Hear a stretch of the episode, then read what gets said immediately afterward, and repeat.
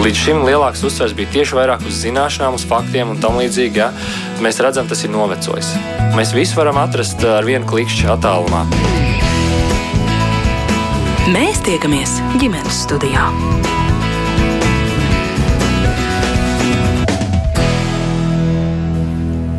Labdien! Savu skanējumu sāk Latvijas radio viens ģimenes studiju. Turpmāko stundu ar jums kopā šeit būs Agnese Linka un arī viss šī radījuma radošā komanda.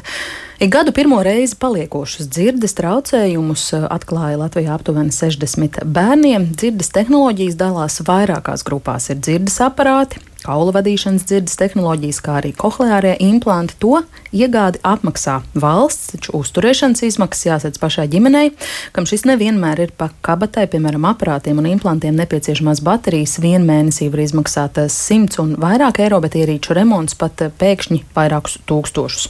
Tikko savākta paraksti un iniciatīva par šo izdevumu kompensēšanu iesniegta saimā.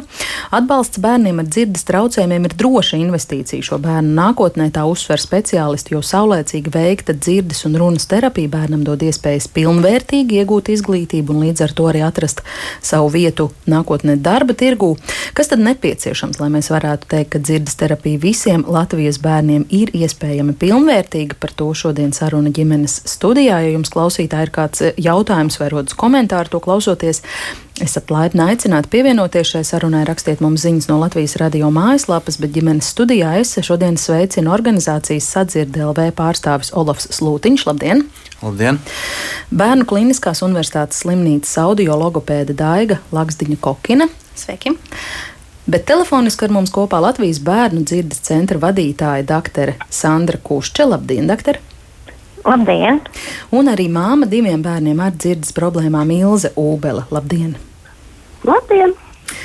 Es sākšu ar eh, jautājumu par to, kāpēc mana balss LV tika aizsākta šī iniciatīva par dzirdes aparātu un implantu uzturēšanas izmaksu sekšanu. Nu, varētu taču domāt, kas tur tāds - baterijas nopirkt vai kaut ko pieremontēt. Doktor Kušķi, došu jums vārdu vispirms. Jums noteikti ir tāda kopaina un varat uh, to raksturot. Jā, es labprāt raksturot situāciju, jo nu, tā pamatideja ir tāda, ka, protams, ja ir smalka un labi dārga tehnoloģija, tad, protams, ja trūkst tādu elementāru lietu kā baterija, kura gluži vienkārši darbina šo ierīci, viņa bez viņas nav strādāt spējīga. Tā ir pirmā lieta. Un tāpēc, protams, mani kā doktori ārkārtīgi uh, uzrunā tas, ka uh, Protams, mēs visi rūpējamies par to, lai šī tehnoloģija, kura ir izdota, izsniegta, un kā jūs jau pareizi teicāt, viņa apmaksā Latvijas valsts budžets, arī strādāt un darbotos. Un zinot bērnus, kur ir atkarīgi no savu vecāku spējām un iespējām. Protams, tas ir īpaši svarīgi, tāpēc, ka ja bērnam nav baterijas no vecāka puses ielikts dzirdes aparātiņā, viņš viņu nesā gluži vienkārši kā auskars, nevis kā ierīci, kur viņam palīdz. Piedodiet, tiešām ir tādi, piedodiet, ir tādi piemēri, tiešām arī jūsu praksē esat ar to saskārusies? Jā, manā praksē ir vairāk kārtīgi šādi piemēri, kad bērniņi atved uz rehabilitācijas kursu ar dzirdes aparātiņiem, kur ir uz austiņas, un tad, kad pēc brītiņa es skatos, kā aparāts strādā un redzu, ka īsti labi nav. Un uh, attaisot baterijas nodalījumu, kurš vienkārši tas ir tukšs, un tad nekas cits mums ārstiem neatliek, kā nopirkt baterijas un uh, nodrošināt šo bērnu dzirdes aparātiem, lai viņš varētu saņemt pilnvērtīgu šo rehabilitācijas kursu, jo pretējā gadījumā, kā es saku, viņš tikai var paēst un pagulēt, bet neko vairāk viņš saistībā ar savu traucējumu nevar iegūt. Tā ir viena lieta, tas, tāpēc tas ir tik ārkārtīgi svarīgi, bet es gribu arī pateikt to, Tad eh, neliels varbūt komentārs pie tām izmaksām. Ja bērnam ir dzirdes aparāti, tad um, mēs esam izkalkulējuši, ka vidēji mēnesī šī summa nevar pārsniegt 10 eiro dzirdes aprātu gadījumā baterijām, kas ir nepieciešama. Ja mēs runājam par baterijām, kuras ir nepieciešamas kohlērajiem implantiem, nu, piemēram, ja tās ir uzlādējumās baterijas, tad viena baterijas uzlāde ir derīga no 1000 līdz pat 2000 uzlāžu veidiem, un šādas divas baterijas maksā vidēji, nu, ap 350, 400, nu, 500 eiro. Un tātad ar šo te summu, naudas apjomu, ja mēs rēķinam, nu, nevis tūkstoti vai divus, bet pa vidu 1500, tas ir gan arī četri gadi var ar šo te summu, tā tad, eh, nu, šāda summa būtu jātērē bērnam ar implantiem eh, četru gadu griezumā. Tā kā, nu, tas tomēr nav tūkstoši gadā, tie ir, eh, Tā ir liela summa, es piekrītu, bet tik netik liela, kā varbūt jūs sākotnēji minējāt. Un par remontu runājot, remonta, remonts, jā, tās ir fiksētas summas, koklēru implantu gadījumā tie ir apmēram 600 eiro, tas ir daudz. Bet, ja tas ir garantijas laikā, tad tas ir, protams, bez maksas. Nav runa par to, ja bērns aparātu tik lielā mērā salauž, ka viņš nav remontējams, un tad ir jāiegādājas praktiski jauns, tad ir šī runa par tūkstošiem. Jā, vai mēs varam precizēt, eh, cik Latvijā kopumā ir bērnu, kam šobrīd nepieciešams kāds eh, šādu ierīču sniegts atbalsts saistībā ar eh, dzirdes problēmām? Nu, šis jautājums būtu jāprecizē. Ja jautājums ir tāds, cik Latvijā ir bērnu, kuri lieto koklēros implantus, tad es varu atbildēt uz šo jautājumu. Tie ir 178 bērni šobrīd līdz 18 gadu vecumam.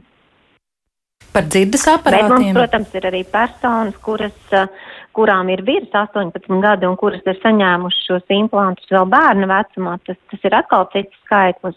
Bet paši bērniņi līdz 18 gadu vecumam, jā, ir tātad ne, ne, nedaudz zem 200. Dzirdes aparāti, cik ir labs jautājums, es jums uz šādu jautājumu tik precīzi neatbildēšu, bet tas noteikti nav maz. Tie ir, nu, es domāju, kad bērni tūkstots, ap tūkstot varētu būt. Un kas nosaka to, vai tas ir dzirdes aparāts vai kohleārais implants, kas bērnam sniedz to palīdzību? nosaka bērna dzirdes stāvoklis. Ja mēs varam salīdzināt, nu tā ļoti vienkāršot, jo parasti ar to dzirdi ir gan grūti saprast, kā tas ir dzirdēt nedaudz sliktāk vai nedzirdēt nemaz.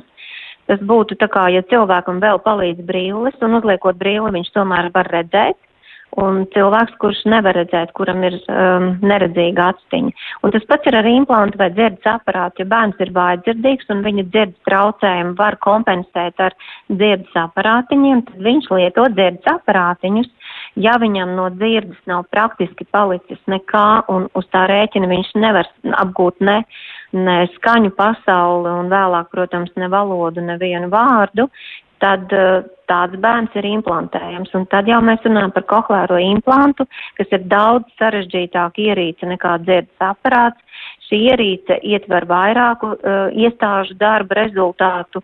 Tas būtu tātad tie ir, tie ir bērnu uh, ausu ķirurgi, kuri ar operācijas palīdzību ievieto daļu no šī implanta pacienta iekšējā ausī, kas atrodas tātad galvaskaus dobumā. Uh, Un tad, kad pēc operācijas šī brūce ir sadzījusi, tad pēc kādām četrām līdz sešām nedēļām tiek pievienota implanta ārējā daļa, kuru jau tātad mēs uzliekam galvas kausā ārpusē aiz austiņas un nedaudz arī uz aizaus pauguri ir atsevišķa detaļa, kuru novieto, un tālāk šī te abu daļu kopēja sadarbība ir tā, kura nodrošina bērnam dzirdes sajūtu, un šo te ārējo daļu laika gaitā mēs Latvijas bērnu dzirdes centrā pieregulējam, pieprogrammējam līdz tādam līmenim, lai bērns spētu dzirdēt tik vienu skaņu un dzirdes traucējumi neies, neatstātu iespēju uz tālāko skaņu saklausīšanu, un, protams, pats apogējs, ko mēs sagaidām no šādas ierīces, lai bērnam sāktu attīstīties valoda. Dakter, es eh, jautāšu vēl vienu jautājumu tieši jums, kā, kā speciālistam Latvijā numur viens, kas šo jomu pārauga un zina. Vai var teikt, ka neskaitot tātad bateriju izmaksas un remonta izmaksas ar eh, šo te dzirdes palīgi ierīču pieejamību Latvijā bērniem viss ir vislabākajā kārtībā, jo eh, vairāk kārt arī ģimenes studijā mums ir, mums par šo runājot, ir izskanējis tas, ka valsts apmaksā iekārtas, gan dzirdes aparātus, gan implantus. Un tad, lasot mana balss LV iniciatīvu, tur aprakstā ir pat divkārt minēts, nu es citēšu, vienu vietu vēlamies panākt, lai sevišķi visiem bērniem valsts kompensējumu zāļu sarakstā tiek iekļauti dzirdes aparāti, un tikai pēc tam pieminētas baterijas un ierīču labošanas izmaksas. Es pieļauju domu, ka, ir, ka tas ir cits griežums un skatījums dzirdes aparātu saņemšanai, jo jūs uzdevāt jautājumu pirmo daļu. Tātad pirmā daļa, vai ir taisnība, ka Latvijā tas ir pieejams, un, un man ir jāsaka, nu, zināmā mērā, jo mums ir pieredze vienmēr pelt visu. Bet es patiešām gribu teikt to, ka Latvijā bērni, kuriem ir nepieciešama dzirdes aparāti, viņus var saņemt tagad un tūliņ. Tā tiešām ir ļoti laba situācija, kāda ir Latvijā uz uh, arī citu Eiropas valstu fona, un bērni to saņem tiešām ļoti ātri Latvijā. neredzu tam šķēršļus. Un par kohlāro implantu runājot, tiklīdz ir nolemts, ka bērnam ir nepieciešams kohlārais implants, viņš to arī saņem pēc iespējas ātrāk. Nav rindu, nav gaidīšanu gadiem, kā tas ir, nu, kāds, kāds varbūt bija sākumā, kā tas ir joprojām daudzās valstīs, kur rinda ir 1, 2, 3 un 4 gadi. Latvijā bērnam pēc brīža, kad tiek koncīlijas slēdziens iedots, kurā mēs sakam, nē, šim bērnam nepieciešams ir implants, viņš viņu saņem maksimāli ātri. Tiklīdz ķirurgs saka, ka jā, tai un tai dienā operācijas zālē ir brīva vieta, mēs taisam operāciju. Tā ir. Ja. Bet tas, ko jūs uzdevāt par mana balss kontekstu, kad um, šiem aparātiem būtu jābūt kompensētiem no zāļu saraksta, es saprotu, ka tas varbūt ir domāts tādējādi, ka šobrīd šos dzirdes aparātus mēs saņemam arī attiecinot uz bērniem no Latvijas nedzirdīgos savienības, kuri saņem šo finansējumu arī no, protams, no tā paša valsts budžeta, bet no labklājības ministrijas. Tā kā jomas. Un tas, ko jūs uzdevāt eh, jautājumu formā, es saprotu, ka tas varētu būt cits griežums, ka bērni varbūt varētu tikt eh, pie šiem aparātiem saistībā, kā, kā, kā mēs to darām, attiecinot uz medikamentiem, respektīvi um, tā būtu pārdaudz droši vien veselības ministrijas budžeta slogā. Labi, tās tādas, tās tādas nianses, jā. Olafs gan nianses, strauji ievilka elpu, sadzirdēja vēl Olafs Lūtiņš, gribēja ko piebilst šai sakarā. Jā, lūdzu. Nu, vienmēr jau ir ko piebilst, kā saka. Es jau tikai arī vados no personiskās pieredzes. Mums ir mm -hmm. puika, desmit gadi ar koklēru implantu. Jā, implantiņš strādā ļoti labi, tajā ziņā viss ir kārtībā. Bet uh, es arī teiktu, ka tas dārgāk višķītiņi gan sanāks. Nu, teiksim, ja mēs runājam par baterijām, tas tā ir viena lieta. Bet šis akumulators viņš, viņš arī mēdz salūzt. Mums ir kādi četri mājās salūzuši. Tur tādas mazas austiņas ir. Ja tur gadās kādam stiprāk uzspiest mm. bērnam pašam, krikšs un 200 eiro. Tāpat arī vadiņš, tas, kas, kurš savienos polīti ar šo ārējo un iekšējo daļu, viņš mēdz pārlocīties. Tie mums arī ir kādi 4 vai 5. Nu, katrs vadiņš 120. Tagad mums pēdējā gadā nav nekas noticis. Tu, tu, tu. Um, bet, nu, paldies Dievam, bet es saprotu, ka tur arī spolīti nāk klāt. Tā kā, mm -hmm. tā kā nu, tās izmaksas lēnām, lēnām, lēnām ir. Tomēr sakrājas. Jā. Viņas sakrājās, jā, jā. Tas nozīmē, ka jūs kā tētis arī. Uh, atbalstījāt šo manu balss iniciatīvu. Jā, protams, par, par to mēs arī no biedrības esam runājuši, un arī ar, ar vecākiem runājuši, jo tās jau nav vienīgās izmaksas, teiksim tā šī te tehniskā daļa, baterijas un, un aparātiņš vēl ir, protams, visas attīstības izmaksas, kas, kas jāsadz un kuras ir absolūti vajadzīgas un kas sastāv tādu vilka daļu. Mm. Ja, ja šis sastāv tur, teiksim, 50 vai, vai, vai, vai nu, 70 eiro mēnesī, tad tās izmaksas, kas ir pamācībām, nu, tās ir simtos. Mm, 200, to, 300. Jā. Jā. Par to pēc, pēc neilga brīža. Ilze, jums arī kā, kā mammai grib uzdot šo pašu jautājumu. Mana balss iniciatīvu, kā vērtējat un cik jums tas būtu nozīmīgi? Jūsu situāciju raksturojot arī. Jā, nu, par cik man ir uh, divi bērni, kuri ir saskārušies, kuriem ir dzirdes problēmas, un viens uh, lieto ikdienā dzirdes aparātus, un otram bērnam ir kohlārie implanti, tad es no savas pieredzes varu teikt, uh, atsaucoties uz Sandras Kušķas teikto, ka, nu, ikdienā tās baterijas uh, arī Citi vecāki, piemēram, un arī skolā strādājot, neieliek ausīs aparātu tikai tāpēc, ka viņam nav nopirktas baterijas. Un tas ļoti ietekmē bērniem attīstību. Es saviem bērniem visu laiku esmu centusies un darījusi visu, bet tas nav tikai ielikt ausīs dzirdes aparātu, par ko pēc tam varbūt jūs vēlāk runāsiet, jeb arī kohlāro implantu, kur ir šīs ļoti jaukās uh, ierīces labās, kur bērns var dzirdēt un sadzirdēt, un tik līdz bērns sāk dzirdēt un sadzirdēt, viņš uh, šo skaņu nevar izrunāt. Un tad sākas vecāku darbs. Kad šeit es kā vecāks gribētu runāt, uh, izējot arī no savas pieredzes par to, ka ir jāiegulda nežēlīgi milzīgs darbs bērnā, salīdzinoši ar citām varbūt, nu, katrai ir problēmai vajadzīgs ieguldījums, bet tieši dzirdēji ieliek dārgās aparātus un baterijas, bet ja nav vecāku darbs, ja nav mm. pedagoga darbs, ja arī nav sadarbība, ar visiem ārstiem un visiem psihologiem un logopēdiem, tad arī uh, nebūs nekas. Un šeit, um, kā vecāki mēs runājam, ja kaut baterijas būtu iekļautas zāļu reģistrā, tad varētu ielikt bērnu attīstībā vairāk. Un uh, ir ļoti daudz labās puses tieši dzirdes bērniem, kuri viņiem ir ļoti daudz stiprās puses. Ja traumēta, traucēta ir dzirde, tad ir jāsaskata tas, kas manā bērnā ir tieši uh, plusiņš, pozitīvais. Un šeit es aizsūtīju pirms raidījuma savus zīmējumus, cik daudz ir izdarījusi Elizabete un cik mēs kā vecāki, mainot dzīves vietu, mainot visu, mainot, nevis mainot, bet uh, piemeklējot pat skolas, kā mēs attīstam savus bērnus. Apmēram tā. Un izmaksas no valsts, tas ir, jā, nu, tas ir kompensēt un implantiem. Mums vairāk, mums bija katrā austiņā ir kohlārais implants. Tas nozīmēja divus, divas, trīs baterijas katrā ausī un baterija gāja trīs, četras dienas, četras dienas, piektā dienā man vajadzēja jau mainīt, lai skolā viņai nebeigtos, jo viņa nevarēja pati tur samainīt maza, un tas ir ļoti sarežģīti, ļoti individuāli un ļoti dārgi. Un plus tam, nu, es kā teicu, ar ierīcēm neko nevar vēl panākt, ir vajadzīgs plusklāt viss šis pārējais darbs. Doktor, jūs vēlējāties ko piebilst šeit?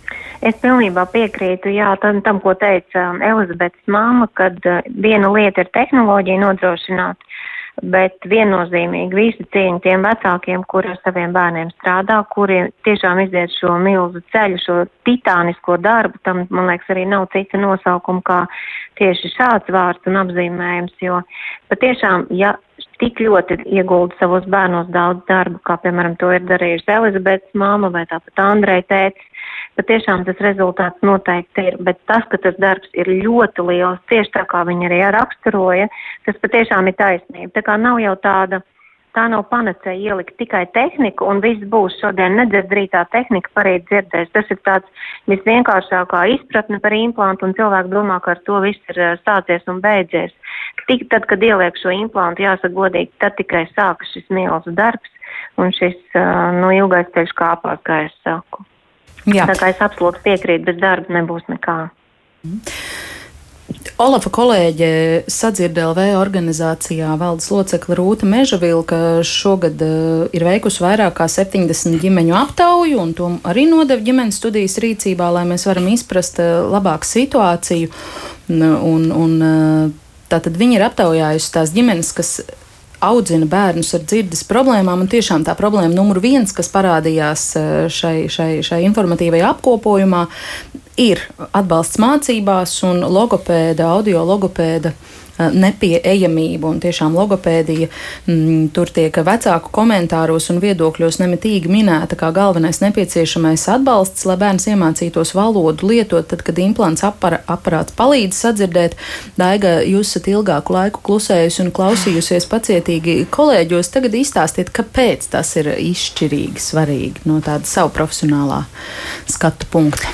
Tas ir ļoti svarīgi, jo bērniem ar dzirdes traucējumiem, protams, atkarībā no smaguma pakāpes, pakāpes un traucējumu veida, viņiem ir ietekmēta runa un valodas uztveres spējas. Un līdz ar to, jo ātrāk un laicīgāk mēs spēsim šo traucējumu novērtēt, pamanīt, tad mēs arī varēsim attiecīgi uzsākt laicīgu terapiju un palīdzēt šim bērnam integrēties tālāk arī mm. skolā, kur ir šī problēma. Cik intensīva šī terapija ir nepieciešama un kas nosaka to, cik ātri tas dod kaut kādus augļus?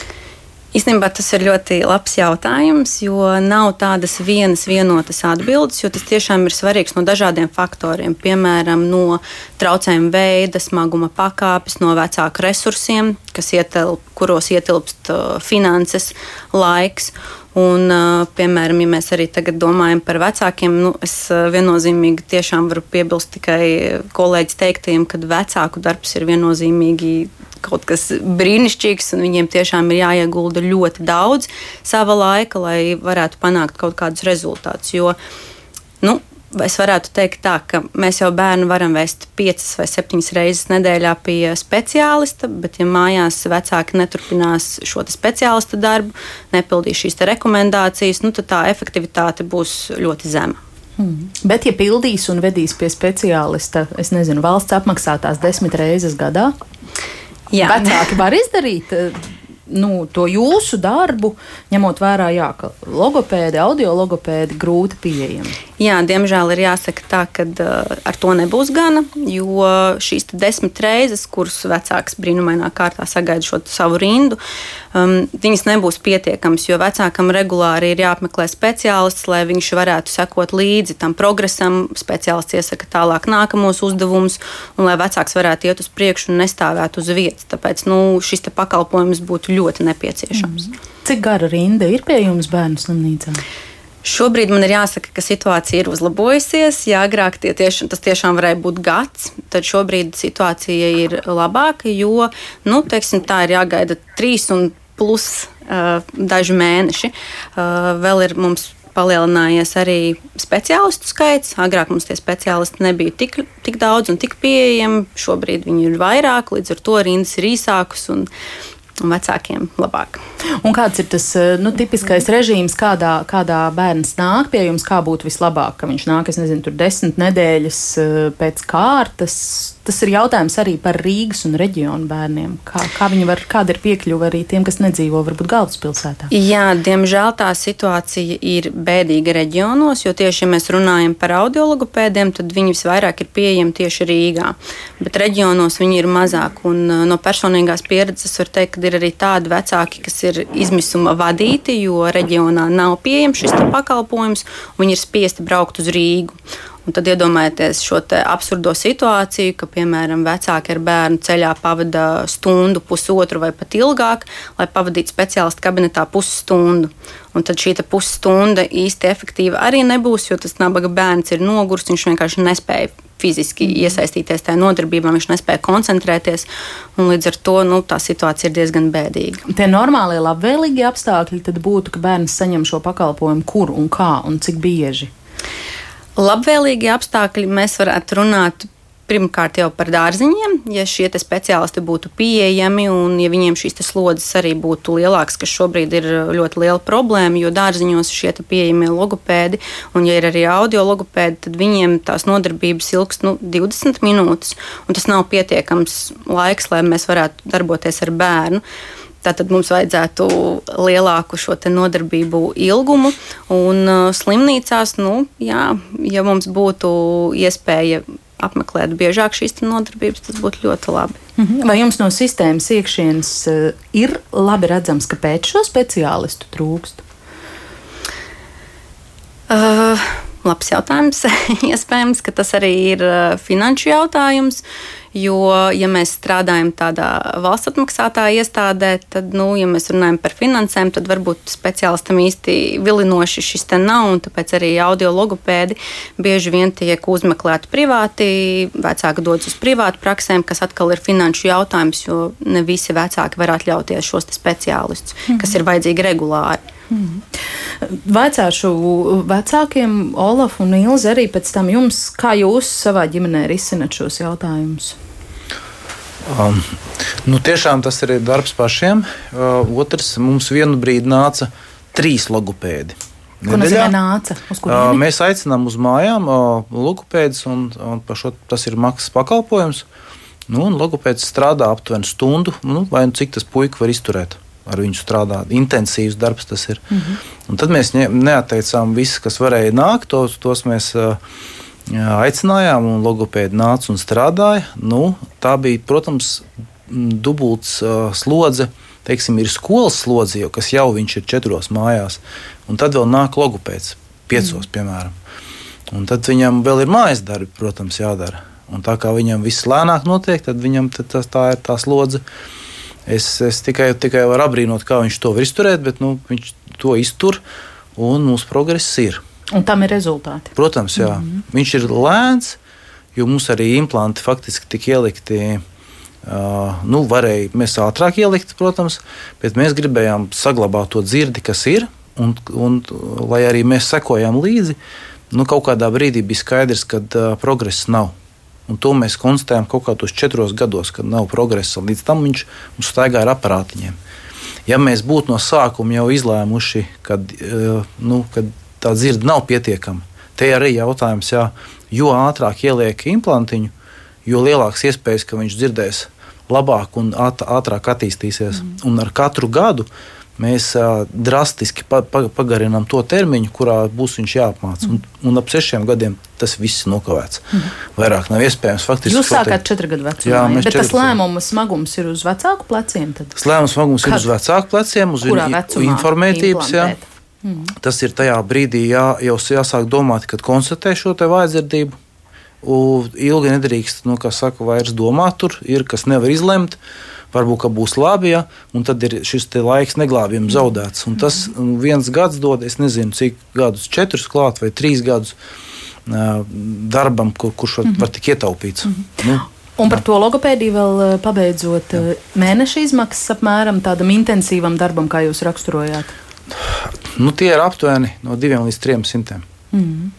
Ilze, jūsu pieredze šai aspektā? Mana pieredze par lielo bērnu, tas, kuram ir 3. un 4. pakāpe vajadzība, tam gāja vieglāk. Viņam ir 27 gadi un viņš veiksmīgi beidza skolu un ir darba vieta, strādā un iekļaujas sabiedrībā. Bet um, Elizabete, kurai um, ir kohlārie implanti un ir piektā vajadzības pakāpe, tā, kur nedzird gandrīz nemaz, viņai divu gados un astoņos mēnešos ielika pirmo implantiņu. Un tad arī ieliku otro, bet līdz septiņu gadu vecumam bērnu valoda nebija tik attīstīta, ejot darot pie logopēdiem kādā mazpilsētā. Mēs to nevarējām, es pirms to skolotāju es darīju mājās visu darbu, jo zinot tieši, kā ir jāapmāca parasti bērni. Tad es nolēmu vienkārši un arī iesakot, jo mums nebija šo speciālistu, visi, es nezinu, kā ar viņu strādāt, es nezinu, ko darīt, un viss šīs lielās problēmas man noveda līdz Rīgas logopēdiskai skolai. Un šeit bērnam bija tieši valoda, valoda, valoda, valoda, valoda, vairāk un darot visu pārējo, ko es darīju ikdienā, apmeklēju bērnu mākslas skolu, bērns ar vingrošanu nodarbojās, nodarbojās ar sporta dejām, kur nedzirdīga meitene es aizsūtīju Bejops, kur ir tik daudz kaunas un daudz medaļas. Es attīstīju viņu vispusīgi, mēs kā ģimene pārvācāmies uz dzīvi, īrējam dzīvokli, un, un, un reiz mēs arī Elspēta mācās vispār izglītojušā skolā, uh, kur arī mācoties klasē skolā, nu, šiem bērniem uh, ir pretīm nākoši skolotāji. Ļoti laba komanda. Kā var palīdzēt bērnam, jautā skolotājs. Paldies programmai Pumpurs, kur ir arī speciālistu piesaisti, bet tas viss ir vēl par maz. Plus klāt ir nežēlīgs darbs tieši tā. Es nevaru pat nosaukt izmaksas, jo mums ir tas kopumā, ko mēs attīstam, ieliekam tai bērnām. Un e, rezultāti ir, bērnam valoda ir, un tagad ir jāskatās bērnu stiprās puses. Viņi mācās jau piektā klasē. Un parastā skolā ar e, Rīgas centra pēc logopēdiskās skolas, bet plus klāt, e, ja būtu ikdienā matemātiku, kā var izpildīt matemātikas uzdevumu, ja teksta uzdevumu viņš nevar izprast tik ātri. To var saprast tikai tie vecāki un zināt. Un pat skolotājs nevar elementāras lietas iedomāties, ka tā var neizprast bērns, kuram ir dzirdes traucējumi. Viņš nesaprot pēc būtības jau to uzdevumu. Viņš nevar izdarīt 14 uzdevumus reizē ar visiem, bet ja būtu kāds uh, blakus tieši tajā brīdī asistents, ir vēl kaut kas, kas palīdzētu, atbalsta speciālists, speciālais pedagogs, viņš to varētu izdarīt. Tas nav ikdienā visu laiku, bet ir brīži, kad tā vajadzīgi. Jā, vajadzīgi bērniem. Tā mēs tikai palīdzētu. Paldies! Es doktoru Kušķei vēl gribu vaicāt eh, par šo logopēdijas aspektu. Mm, tas, ka speciālistu trūkums ir liels, arī ģimeņu izmaksas ir eh, lielas, tas izskan visur, un ar valsts apmaksātajām desmit reizēm gadā nepietiek nekādi. Atkal lūdzot jūsu vērtējumu par tādu kopainu, kā vispār ģimenes, kuriem varbūt nav iespējas eh, pārvākties uz Rīgas centru vai aicināt trīs reizes nedēļā logopēdu intensīvā režīmā uz mājām. Kā, kā tie cilvēki risina šo situāciju? Kā viņi palīdz saviem bērniem? Jā, paldies jums par jautājumu. Um, es īsti nezinu, kur, kur rodās šīs desmit reizes, par kurām tiek runāts. Jo es no savas puses varu teikt tikai to, ka redzot, cik grūti ir, ir tīpaši reģionu bērniem, kas šodien jau tika cilāts šis jautājums, kad eh, ar tādu mērķi, zinot, ka Rīga varbūt tomēr ir pieejama, vai nu gaidot rindā, vai nu privāti apmeklējot, 1997. gadā tika izveidota pie bērnu dzirdes centra rehabilitācijas nodaļa. Un šajā nodaļā ir desmit vietas, kuras ir domātas bērniem ar dzirdes traucējumiem no visas Latvijas. Ir tīpaši prioritāte dodama ir bērniem, kas nav no Rīgas, un uz šo nodaļu var nākt tik viens bērns, kuram ir dzirdes traucējumi, uz divām nedēļām bez maksas, un pie tam valsts apmaksā bez maksas dzīvošanu eh, gan bērnam, gan pavadošai personai, un pavadošā persona tika atstāta un iekļaut obligāti, pierādot, ka galvenokārt vecākam ir jābūt klāt nodarbībās, lai viņš redzētu, ko ar šo bērnu dara, kā strādā, lai viņam pēc tam būtu skaidrs, kā mājās ar savu bērnu darboties. Nu, lūk, un šai nodaļā tātad šo nodaļu drīkst apmeklēt ik viens bērns ar vājdzirdību paliekošu no visas Latvijas, un biežums tātad ir ir vienu reizi triju mēnešu laikā. Tātad gada laikā bērns var saņemt šo te pakalpojumu četras reizes. Katrā reizē tās ir desmit dienas. Tātad 40 dienas gadā bērniem ir iespēja apmeklēt šādu pakalpojumu. Un ja mēs runājam par rindām, tad ja bērnu slimnīcā rindas, kā es dzirdēju, ir ārkārtīgi ilgas un garas, tad ja jūs teiktu, ka jūs gribat nākošu vai aiznākam nedēļu Eh, nodaļā ienākt, es teiktu laipni lūgti, jo mēs vietu jums atradīsim. Bet tiešām šobrīd vietas ir, un nav tā, ka tur būtu jāstāv pusgadu rindā, nu pat ne trīs mēnešus un ne mēnesi. Tā kā, nu nav jau gluži tā, ka nu nekāda iespēja. Parasti jau gan tā situācija tāda, ka, nu, tie vecāki jau negrib palikt ar to bērnu, jo viņiem ir jāiet uz darbu un jāstrādā. Es to spēju saprast, bet te pašā laikā nav gluži tā, ka, nu, nekāda iespēja nav. Tā ir pirmā lieta. Piedodiet, Otrā es lieta... iespraukšos ar papildu jautājumu, ja es ne, neuztvēru, piedodiet, bet kas ir tas pakalpojums šajā nodaļā? Nodaļā tātad bērni nāk uz dzirdes traucējumu rehabilitāciju, un viens no rehabilitācijas nu, ikdienas uzdevumiem vai, vai darbiem ir vizīte pie audiologopēda, kur viņš ar šo bērnu strādā. Tā ir tā runāt mācīšanās. Tieši tā. Nu, tas ir seno laiku logopēds. Tagad ārstniecības iestādēs drīkst strādāt tikai audiologopēdi, nevis logopēdi. Tie ir skolotāji, tie strādā bērnu dārzos un skolās bet medicīnas iestādē strādā audiologopēdi. Eh, jā, mēs varam arī teikt, ka varbūt viņu skaits vēl ir nepilnīgs, un jūs uzdevāt jautājumu, kur tad viņi ir, ka viņi ir tik maz un nepieejami.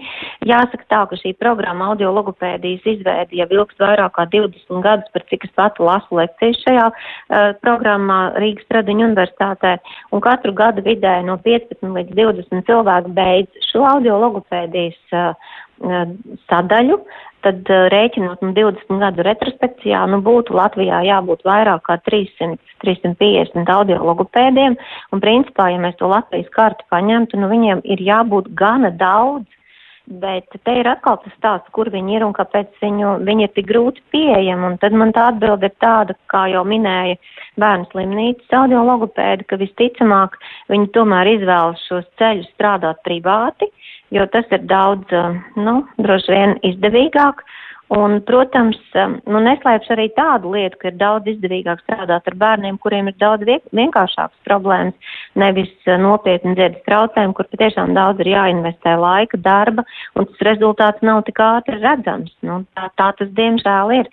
Tāpēc Nu, nav no vienas puses tik traki, ka tu audio logopēdu nav. Tas bija tas mūsu mērķis, kāpēc mēs vispār šo programmu uh, daudz gadus atpakaļ veidojām un piekritām tur lasīt šīs lekcijas un, un nodarbības, lai būtu, lai nebūtu pieņemšanā jāklausās, kad jā, doktori ir jau labi, mums ir diagnoze, mums ir aparāti, bet ar mums neviens nestrādā.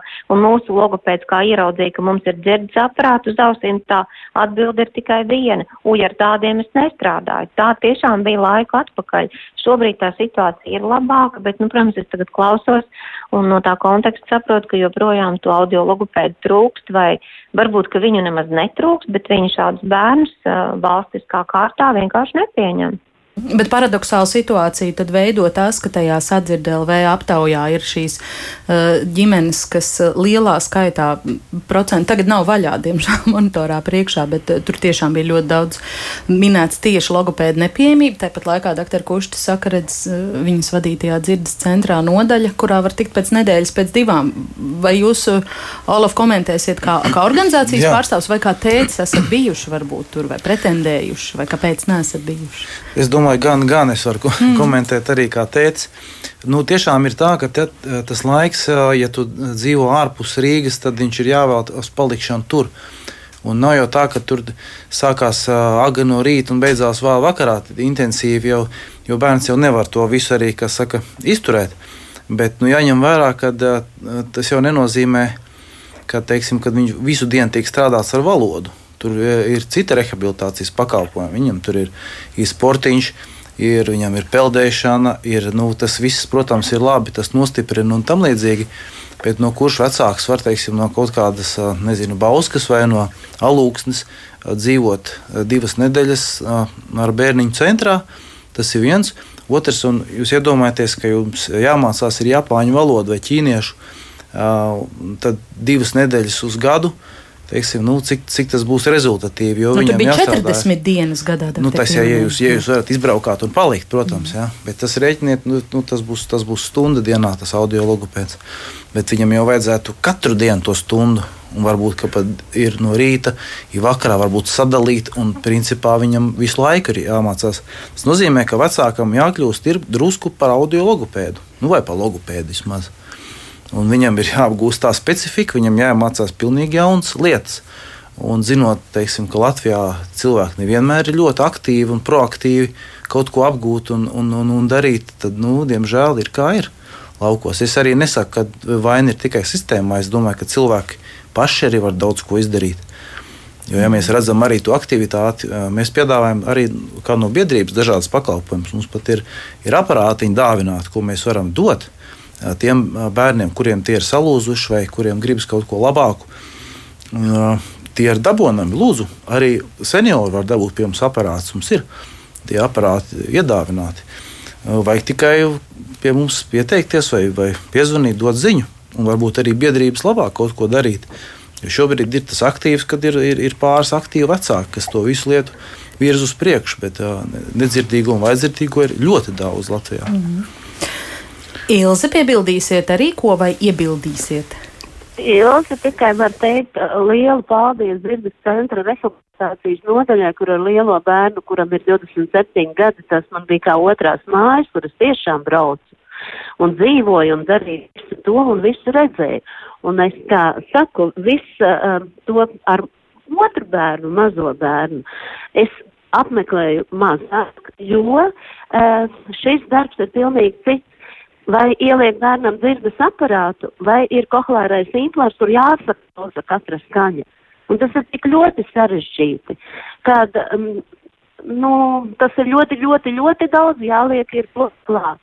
Jo arī ikdienā dzīvojot, visur ir jābūt valodai, jāmāca bērns ikdienā, ik uz soli, ko parasti vecāks, kurš nav pedagogs un pirmskolas skolotājs, pat neiedomājas. Nu, tas man savas puses ir tā.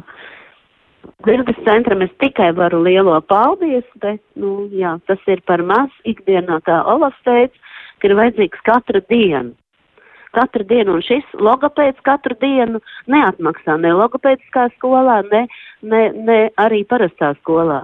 Jo tas viss ir naudas lieta, jo tad, kad man bija mazpilsētā Elzbetē septiņos gados uh, asistents, tad arī asistentu pazemināja. Tas bija skolotāja profesija, bet viņš bija kā, kā palīgs. Un šeit naudas izmaksā, protams, kurš strādās tev, ja ir mazāka alga kā skolotājiem bet darbs ir ļoti atbildīgs un svarīgs. Daiga, ko jūs klausoties kolēģos, gribētu vēl varbūt eh, piemetināt? Es gribētu piebilst uh, tikai vēlreiz akcentēt īstenībā to, cik vecāku darbs ir ļoti svarīgs. Un, um, diemžēl man ir arī pieredzē bijušas situācijas, kad uh, vecāku iesaiste nav tik liela. Un man ir bijuši arī šie bēdīgie varianti, kur vecāki šo bērnu iegrūž speciālista kabinetā un uh, ar tādu tekstu, ka nu, izdara to brīnumu, iedodat tās zāles, lai mans bērns tagad sāktu runāt. Un bieži vien vecāki tik tiešām, kā Sandra Kušķi jau bija minējusi, vecāki nesaprot to, ka uh, lietojot šo dzirdes aparātu vai sākot lietot implantu, nevienmēr viņi, viņi jau nesāks uzreiz runāt. Tas nenotiks dienas, nedēļu vai mēnešu laikā. Tas ir tiešām intensīvs darbs un uh, vairāku gadu garumā. Un tur ir nepieciešama ne tikai speciālistu iesaiste, bet arī intensīva vecāka iesaiste katru dienu, visas dienas garumā. Mm.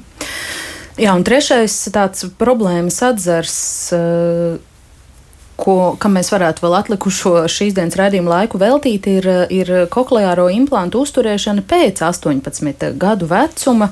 Mm, kāda ir situācija ar šo, kur, kur slēpjas kāda problēma, kad, kad bērns it kā vairs nav uh, bērns? Doktor Kušķa, vai jūs komentēsiet, kas ir tas, kas notiek ar uh, bērniem, kuriem ir mm. implanti pēc 18 gadu vecuma? Jā, ļoti labprāt komentētu šo jautājumu, jo pēdējo mēnesi, gandrīz katru dienu paliekot pēc pieņemšanām vēl līdz vēlam vakaram un skaitot un rēķinot un prasot un lūdzot.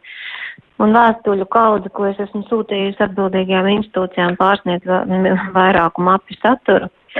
Um, vēl vakar vakarā es joprojām ar cerību uh, aizsūtīju, no, kaut gan neesmu finansisti aprēķinu nākošajam gadam, un atkal kārtējo lūgumu, ne jau pirmo gadu pēc kārtas, lai no nākošā gada mums ļauj strādāt vairāk, um, nepalielinot augu, pat, ja jau mēs par to visu laiku runājam, par tām naudām, bet lai mums ļauj aprūpēt bērnus pēc 18 gadu vecuma, jo pirmkārt, šiem bērniem pēc 18 gadu vecuma nav alternatīvas, kur iet. Otrkārt, mēs par šiem bērniem dažkārt zinām vairāk kā, nebaidīšos teikt, dažkārt viņu vecāki vai um, vecāka viena puse, bet nezinu otra puse.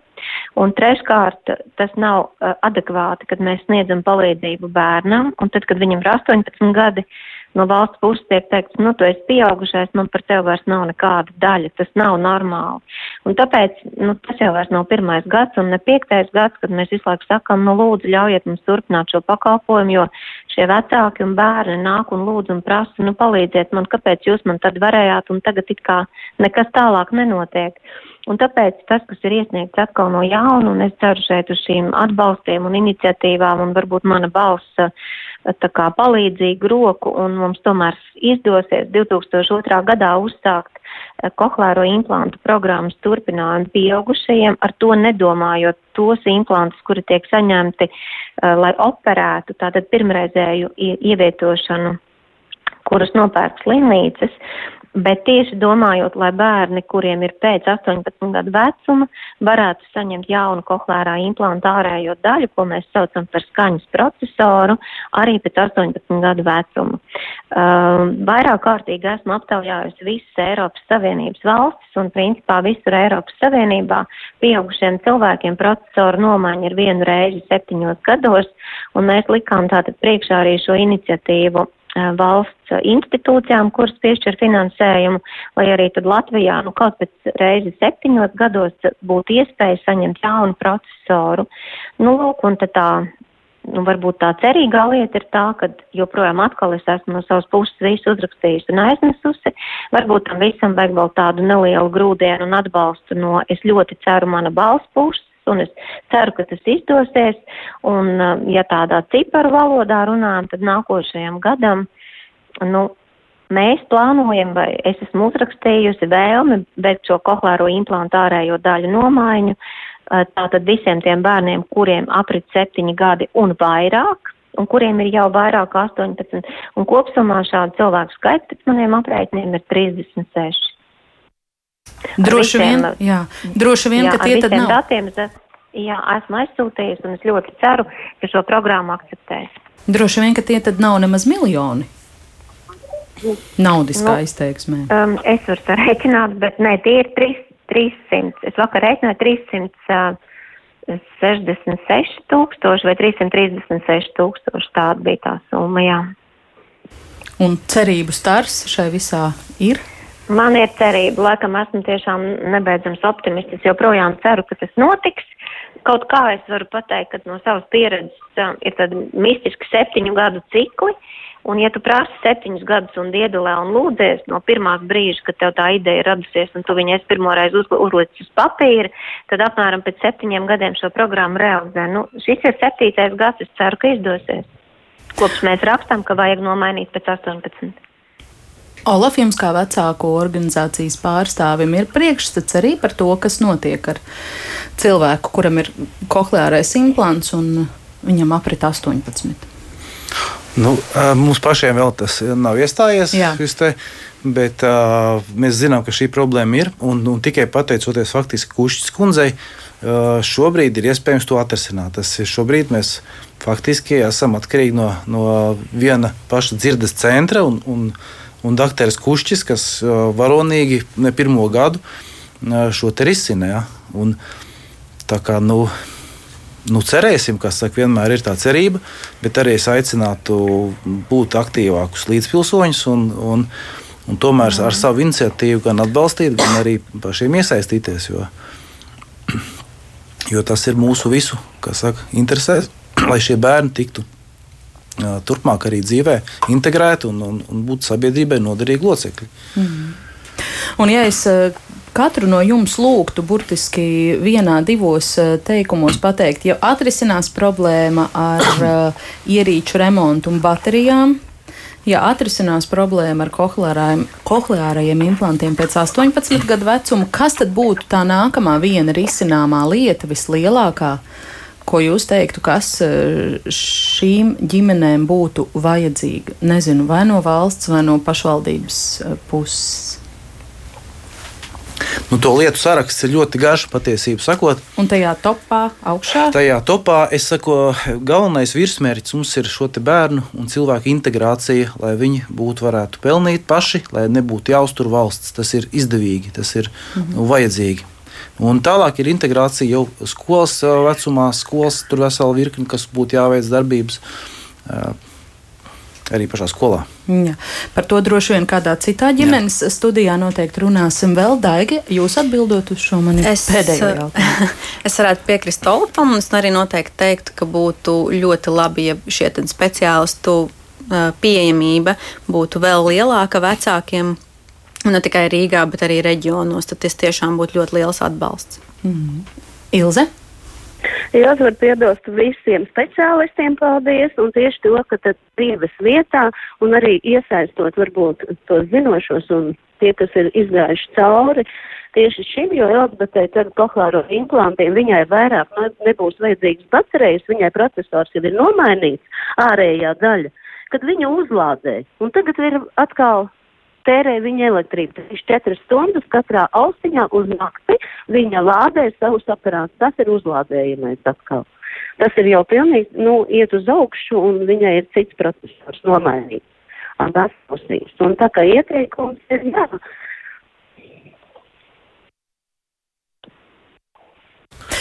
Un, doktor Kušķi, tad eh, no jums eh, rezumējot, eh, ja baterijas un, un, un atbalsts remontam bērnu aparātiem un, un implantiem ir. Un, ja izdodas šī iniciatīva arī par palīdzību un atbalstu pēc 18 gadu vecuma, tad kas būtu tas sarakstā darāmo darbu, panākamo uh, lietu sarakstā nākamais? Jūsu prāt? Jūs zināt, es jums teikšu tā, visam, kas ir teikts, es pievienojos. Mans mērķis ir jebkādā ziņā, lai ko es šeit darītu, lai bērns dzirdētu, tāpēc, kā es saku, es esmu mācījusies un strādājusi visu savu apzinīgo darbu mūžu ar vienu mērķi palīdzēt šiem bērniem. Uh, un jācer arī nu, jau no 18 gadu vecuma. Bet, ja es prasiet, lai es vienā vārdā noformulēju, ko es gribu, tad es joprojām gribu to pašu, ko vienmēr dzirdēt ir ļoti svarīgi. Bet es ļoti gribu, lai tad, kad mēs lūdzam priekš šiem bērniem, vai nu jau varbūt lielākiem bērniem, lai mūs arī sadzird lai sadzird institūcijas, kurām mēs lūdzam un prasam bērnu dēļ, nevis sev, savu ambīciju dēļ, lai sadzird Tad, kad mēs sakam vecākiem, lai lūdzu jūs dzīves vietā ņem jūsu audio logopēds, lai viņš sadzird un ņem to bērnu, nevis saka, man šobrīd ir citi, jo tie ir vieglāk un vienkāršāki gadījumi, lai sadzird, ka viņi klauvē pie skolu durvīm vai pirmskolas iestāžu durvīm, lai arī viņiem vienmēr ir pretīm nākošas iespējas un tieši tādas pašas, kā tas ir citiem bērniem. Tāpēc es teikšu vienkārši, es gribu, lai mūs sadzird. Jā, no savas puses noslēdzot eh, šo sarunu, es gribu mest tiltiņu uz kādu nākamo reizi, jo sadzirdēlv šeit manis vairāk kārt pieminētajā aptaujā eh, viens komentārs, kas man ļoti iedūrās acīs, un tam bija vairāk līdzīgi, pārlasot vecāku viedokļus eh, un, un atbildes uz jautājumu, kāds atbalsts jums būtu visvairāk nepieciešams, tad, tad kāda ģimene saka, vislielākās galvas sāpes sagādāja mācības, jo vienīgā skola, kas patiesi bija gatava strādāt ar bērniem, kuriem ir implanti, bija Rīgas sākums skolu valodiņu mums nebija iespēja pilnvērtīgi apgūt izglītības procesu, saskārāmies ar to, ka šādi bērni nevienam nav vajadzīgi. Te es tiešām saredzu vajadzību nopietnai sarunai vēl kādu reizi tieši par integrāciju mācību iestādēs, bet šodien es teikšu paldies sarunas dalībniekiem. Telefoniski ar mums kopā bija Latvijas bērnu dzirdes centra vadītāja un dr. Sandra Kušča, arī māma diviem bērniem ar dzirdes problēmām Ilze Ūbele, bet šeit studijā klātienē bija organizācijas sadzirdelvē pārstāvis Olafs Slūtiņš un Bērnu Kliniskās universitātes slimnīcas audiologopēda Daiga Laksdiņa Kokina. Par uh, raidījumu tapšanu šodien gādāja Ilza Zvaigzne, Jāna Dreimana un Nesāknese Linka. Klausieties ģimenes studiju rīt, klausieties mūsu podkāstos, sekojiet sociālos tīklos uz sadzirdēšanos.